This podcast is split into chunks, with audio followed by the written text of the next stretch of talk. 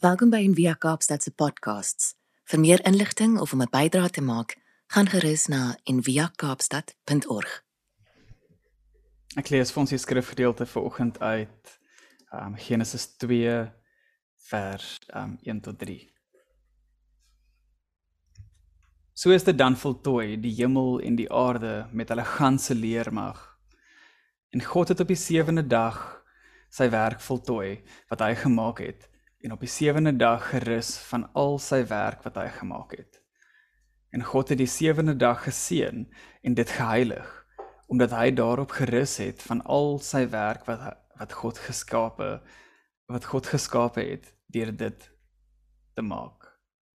Ek lees dit vir ons nog een keer. So is dit dan voltooi, die hemel en die aarde met hulle ganse leermag. En God het op die sewende dag sy werk voltooi wat hy gemaak het en op die sewende dag gerus van al sy werk wat hy gemaak het.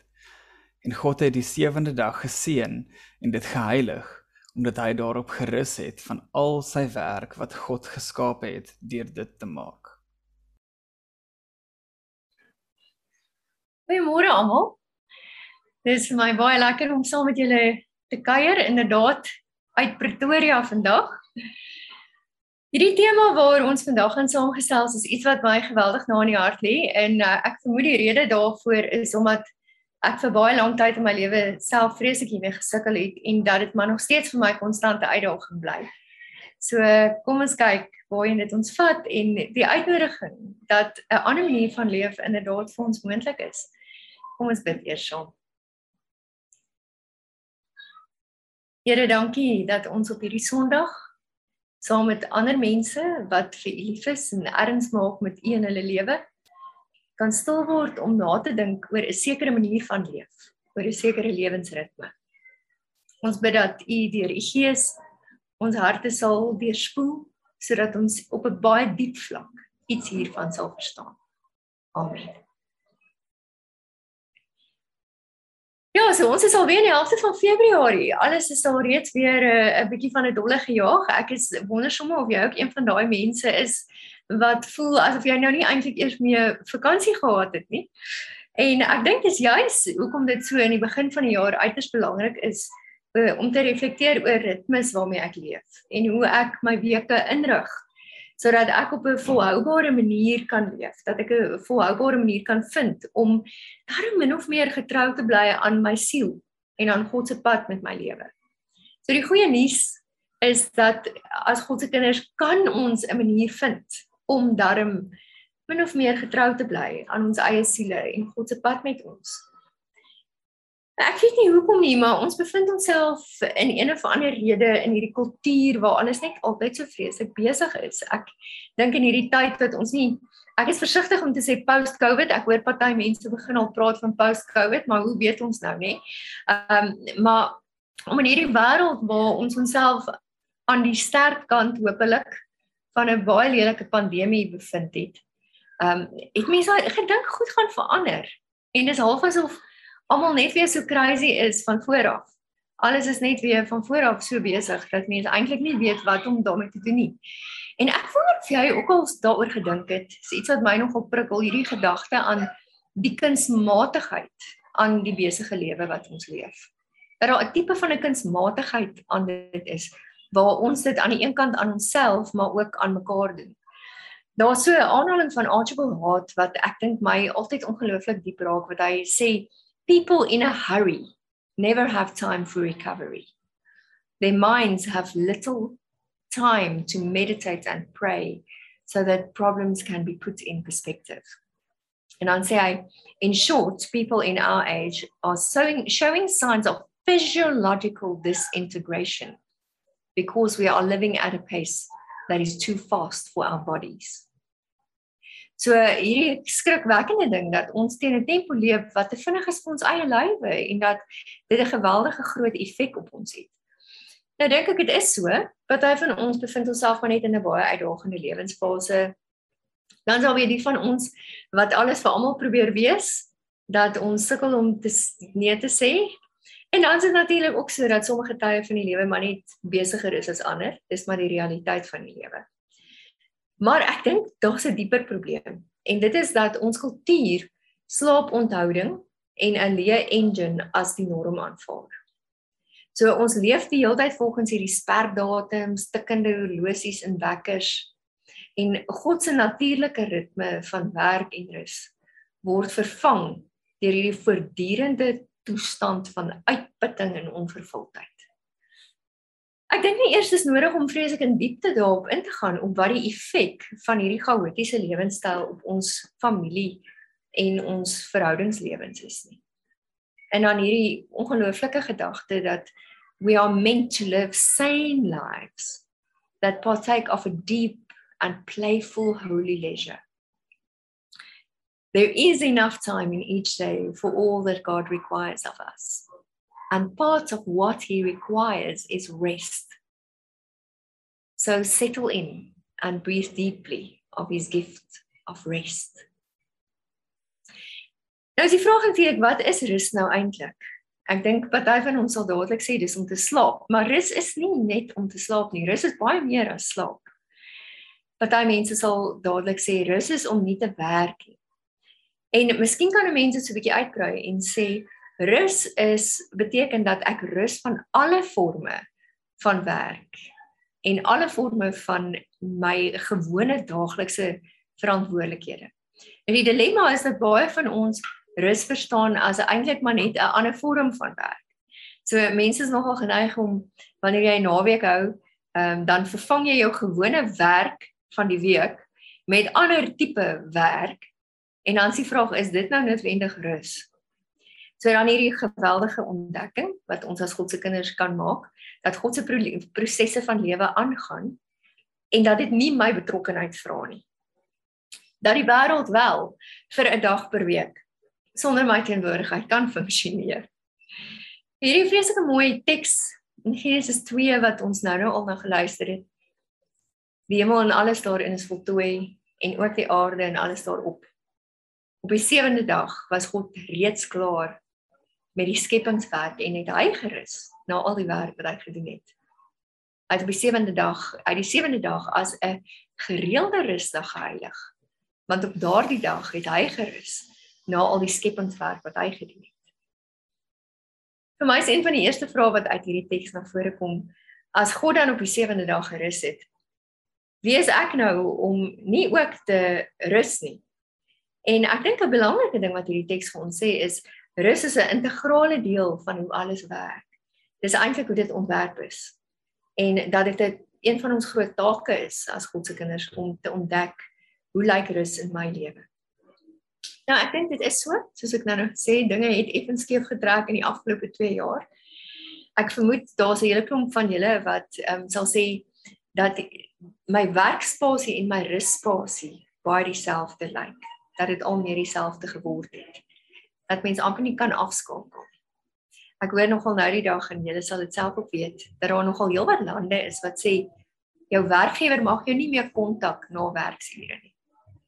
So daar's baie van ons wat so al voel dat jy eintlik maar die heeltyd beskikbaar is, die heeltyd moet kan werk. En daarom is een van die groot uitnodigings dink ek om nie te stop omdat die werk klaar is nie maar te stop omdat dit tyd is om te stop. En ek wil ek wil hierdie gedagte bietjie vasknoop om om so oomblikie vashou. Die uitnodiging wat God vir ons gee is nie om te stop omdat die werk klaar is nie. Maar om te stop omdat dit tyd is om te stop.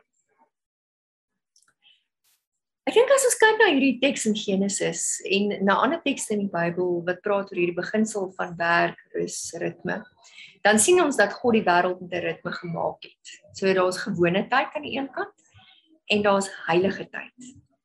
So rus is deel van hierdie ritme. Dis nie net 'n lastige ding wat ek nou maar doen. Ek moet dit nou maar net doen omdat ek nie eintlik meer verder kan nie. So dis veronderstel om deel te wees van my lewensritme. En is hier waar hierdie pragtige beginsel van die Sabbat inkom. Nou ek dink dis dis vir my nogal belangrik om net gou hier 'n begripsverheldering te doen. Ek dink ehm um, baie gelowiges sal ek nog steeds hoor sal sê ons is eintlik veronderstel om die Sabbat te vier of 'n mens moet die Sabbat heilig hou. Maar die dilemma is as gelowiges in Jesus Christus vier ons nie meer die Sabbat nie.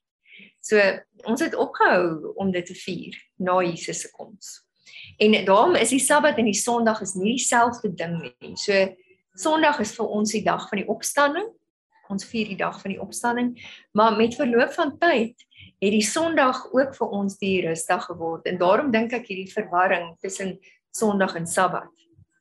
So die belangrike ding om te sê en ek ek meen as jy nou sê waar staan dit in die Bybel dat ons nie meer die Sabbat vier nie. Mense kan nou seker allerlei tekste aanhaal. Maar ek dink die duidelikste een is seker Kolossense 2 waar Paulus sê ons is nie meer veronderstel om die Sabbatdag te vier nie. Maar die beginsel van die Sabbat is nog net so belangrik vir ons. Die gedagte agter die Sabbat was 'n 24 uur periode van geestelike en emosionele rus. So God se doel was van die begin af dat die Sabbat mense sou help om te herstel en uit te rus. Selfs Jesus noem dit etlike kere. So hierdie gedagte van 24 uur se rustyd waar ek nie my gewone verantwoordelikhede nakom nie. Nou wonder ek as as ek vir jou vra of jy ruimte het in jou week om 'n 24 uur rustyd in te pas waar jy heeltemal glad nie jou gewone verantwoordelik verantwoordelikhede nakom nie. Hoe sou dit vir jou voel? Party van ons sal dalk sê dit klink my heel heel maklik, heel moontlik, eintlik is dit reeds so. Maar ek vermoed daar's party van ons wat sal sê, "Wat? 24 uur? Hoe op aarde moet ek 24 uur per week in my lewe inpas. Maar dis die beginsel wat hierdie gedagte van die Sabbat onder lê. Wayne Muller het op 'n stadium hierdie mooi ding geskryf. Hy sê the Sabbath is not dependent upon our readiness to stop. We do not stop when we are finished. We do not stop when we complete our phone calls, finish our projects, get through the stack of messages, or get out this report that is due tomorrow we stop because it is time to stop. En dan nie net vir 2 ure nie, maar vir 'n goeie indien moontlik 24 uur. So nou sou die vraag wees wat is veronderstel om in hierdie Sabbattyd te gebeur? Ek dink in die eerste plek ehm um, dat ons sal leer om te rus. Ek vermoed baie van ons het verleer hoe om te rus en dat ek al meer sal agterkom dat wanneer ek rus, kan ek die nuwe week vanuit hierdie plek van rus begin leef. So my dryfveer vir hoekom ek leef begin so 'n bietjie omdraai en dit laat my nogal dink aan daai teks waar Jesus in Markus 2 vers 27 sê die Sabbatdag is vir die mens gemaak en die mens nie vir die Sabbat nie. So dis 'n geskenk wat God eintlik aan ons gee. Die tweede ding wat tydens hierdie Sabbatstyd in ons lewe kan gebeur is dat ons weer die koneksies kan vier wat ons het. Ons koneksie met God, my koneksie met myself, my koneksie met die mense in my lewe en met my wêreld. En dan is die derde ding wat ek dink op die op die Sabbat gebeur in hierdie Sabbatstyd elke week gebeur is dat ek 'n kans kry om te reflekteer, om te posisioneer en om dan te heroriënteer. So om te reflekteer oor die week wat verby is en te sê wat het gebeur, waar bevind ek myself tans? Om dan te posisioneer en te sê hier is ek nou en om dan te heroriënteer. Dalk is daar seker goed wat jy besef hierdie werk nie. Ek gaan hierdie anders moet aanpak. So dis eintlik 'n ongelooflike geleentheid. Die ding is natuurlik dat ehm um, Sabbattyd nie noodwendig op Sondag hoef plaas te vind nie.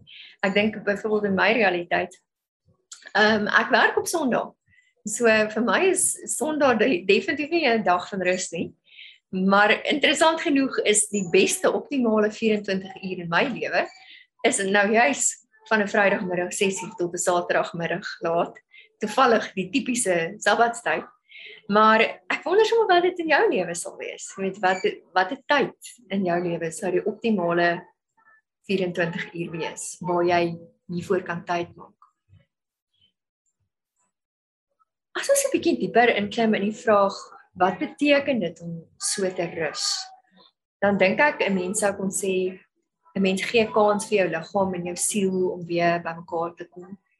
Want baie dikwels leef ons lywe so vinnig dat ons siel nie kans het om by te kom nie. So hierdie 24 ure is tyd gee kans vir dit. En dan leer ons om weer in pas met God se ritme te leef. En ons kan begin om te eer wie God ons gemaak het, om te besef ons is nie robotte nie. Ek dink dit is so dat verskillende mense verskillende dinge doen om te rus. So as jy byvoorbeeld sou praat van hoe rus introverte en hoe rus ekstroverte, dan lyk dit waarskynlik dramaties anders. Introverte wil baie mense hê nie. Introverte soek die meeste van die tyd baie tyd op hulle eie. Ehm um, het waarskynlik bietjie meer stilte nodig. Bietjie meer tyd nodig om te diskonnekteer terwyl ekstroverte sal sê ek wil juis saam met mense tyd spandeer. Ek het dit juis nodig. Maar om te sê wat wat is 'n gesonde gebalanseerde tyd van rus? En daarom wanneer 'n mens jou lewe met iemand anders deel, is dit nogal belangrik om te vra hoe beskerm ons as lewensmaats mekaar se rus? Hoe hoe lyk dit as ons mekaar se rus beskerm? Dis ongelukkig hartseer as mens na baie verhoudings luister, dan is die een persoon in jou lewe wat dit vir jou amper onmoontlik maak om te rus, dikwels die mense naaste aan jou. Omdat 'n mens verskillende verwagtinge het van wat rus behels. So daarom moet ons mekaar dit gun om te rus op die manier wat ons nodig het om te rus. Ek wil eintlik nog so 'n bietjie verder gaan en um, ek stem regtig saam met 'n sinsnede wat Rainer Maria Rilke op stadium geskryf het wat hy gesê het each appoints the other to be the guardian of his solitude dis vir my 'n aangrypende ding om te dink ek stel jou aan as die bewaker van my rus. Nie net die een wat my rus gun nie, maar die een wat my rus en my afsondering en my stilte oppas. So om met ander woorde te sê as ek dalk my lewe met iemand deel, op watter manier kan ons mekaar se rus respekteer en bewaak?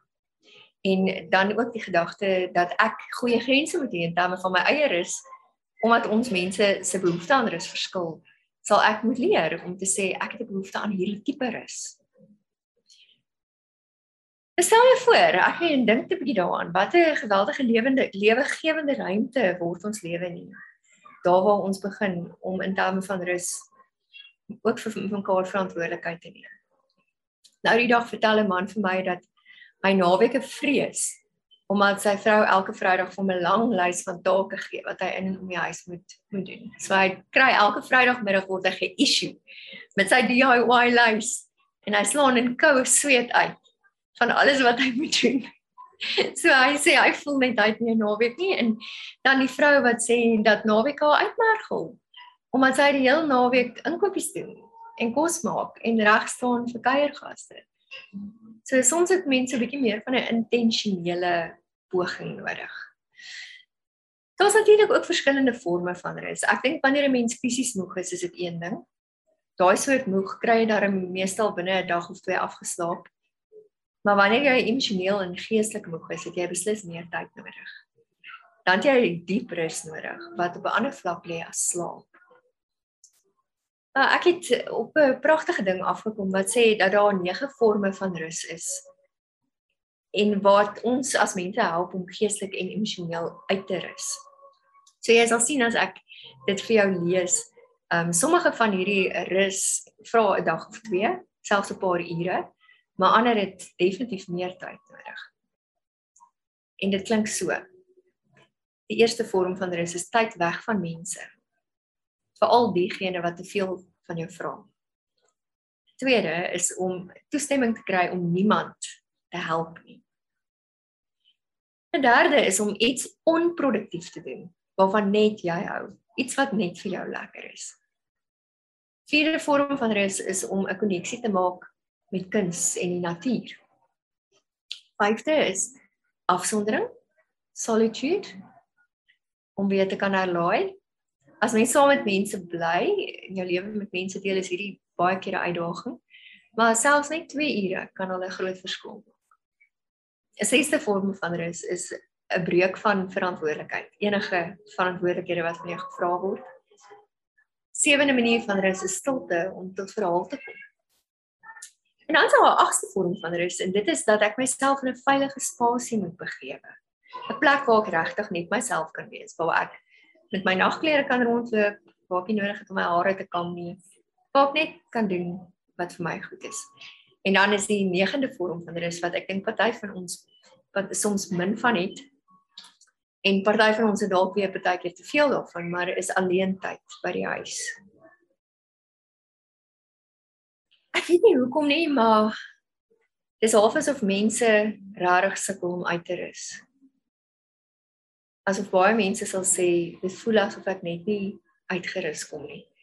Um Sandra Dalton Smith wat baie navorsing navorsing doen, is sy sê if you are waking up after sleeping and you are still exhausted, the issue probably isn't sleep.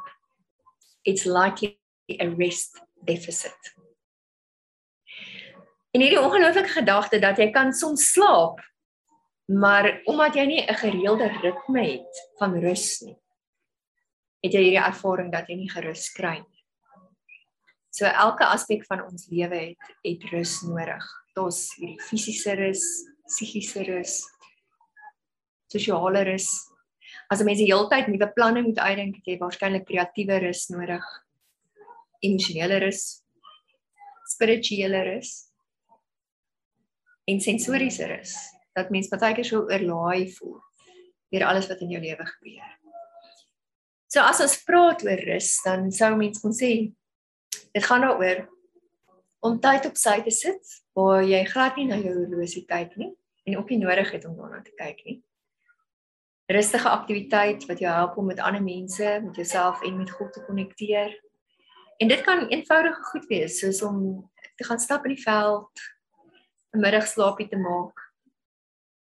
Sommige net lekker te gesels met die mense in jou lewe op jou rug op die gras te lê en lees. Deel van rus is om spesifieke tye te kies waar tydens ek rus. So om vir myself te sê as deel van my lewensritme, kies ek 'n spesifieke tyd. En dit beteken natuurlik dat 'n mens vakansies en afdae moet beplan. Weet ons kry mense kry verskillende soorte mense, maar baie van ons is in so 'n tipe ritme waar jy maar net eenvoudig werk en werk en werk en iewers dink jy ek sal graag iewers hierdie jaar wil vakansie hou, maar jy kom nooit so ver om eintlik die datum vas te maak nie. Of ek sal graag iewers iewers bietjie wil berge toe gaan, ergens 'n naweek, maar jy kom nooit so ver om dit vas te maak en dit te bespreek nie. So om dit actually te doen om tydens hierdie tyd van rus regtig beperkende aktiwiteite in jou lewe tot die minimum te beperk. En dan die belangrikste om hierdie intentionele ritme te begin skep van werk en rus. En werk en rus. Ek moet sê toe ek op 'n stadium in my lewe vreeslik gesukkel het om al my punte bymekaar te kry, was hierdie die een enkele ding wat 'n enorme effek in my lewe gehad het. Want skielik het ek begin ervaar dat my lewe nie so uitgerafel was nie. Ek het begin ervaar dat ek bekeer word van my verslawing daaraan om voortdurend met iets besig te wees om die heeltyd haastig en aan die gang te wees. Ek dink 'n mens sal ook stelselmatig begin agterkom dat 'n mens bevry word van jou begeerte om jou identiteit te vat uit dit wat, wat jy doen. Want dis mos maar vir baie van ons so. En om uiteindelik die manier hoe God my gemaak het te begin eer, waar ek begin om hierdie hierdie wonderlike balans te funksioneer, soos wat God dit oorspronklik bedoel het. My groot uitnodiging aan jou vandag is om bietjie te gaan sit met jou lewe en vir jouself te vra of jy besig is om eer te bring aan wie God jou bedoel het om te wees. Om vir jouself te vra of daar nie miskien 'n kans is dat jy 'n meer lewegewende ritme van werk en rus in jou lewe kan skep nie. En om dan na die realiteit van jou eie lewe te gaan nie iemand anders se realiteit nie, maar jou eie lewe en te sê waar kan ek hierdie tyd en verkieslik hierdie 24 uur se tyd in elke week inpas om hierdie ritme van werk en rus in my lewe te laat realiseer. Ek is redelik seker dat as jy dit begin doen, gaan jy binne die eerste 2 of 3 kere begin agterkom dat die kwaliteit waarmee jy jou werksweek aanpak totaal anders lyk dat die intensiteit waarmee jy kan leef heeltemal anders is en dat daar iets van 'n balans kom waarna jy waarskynlik al lank wil smag en wat eintlik net verskuil in hierdie baie eenvoudige ritme van werk en rus. Dankie. Kom ons bid saam. Here, dankie dat U reg van die begin af ons as mense so gemaak het met hierdie intentionele ritme. Dat werkstyd belangrik is en dat dit die wiele aan die gang hou, maar dat tyd van rus net so noodsaaklik is omdat dit die plek is waarvan uit ek my lewe kan leef. Ek bid dat U ons elkeen tot bekering sal bring van ons verslawing aan haastigheid en permanent besig wees. Help ons om die moed aan die dag te lê om na ons eie lewens te kyk en hierdie heilige ritme van werk en rus waarmee U ons gemaak het in ons eie lewens te implementeer sodat ons heeler gesonder, meer geïntegreerde mense kan wees. Amen. My gebed is dat die Here elkeen van ons sal seën in hierdie nuwe week wat begin en dat ons nie moed sal hê die dapperheid om juis op hierdie manier ons lewe in te rig. Mag die genade van ons Here Jesus die liefde van God ons Vader en die teenwoordigheid van die Gees van God by ons elkeen wees in ons werk en by ons bly. Amen. Dankie dat jy saam geluister het vandag. Besoek gerus en via kaapstad.org vir meer inligting.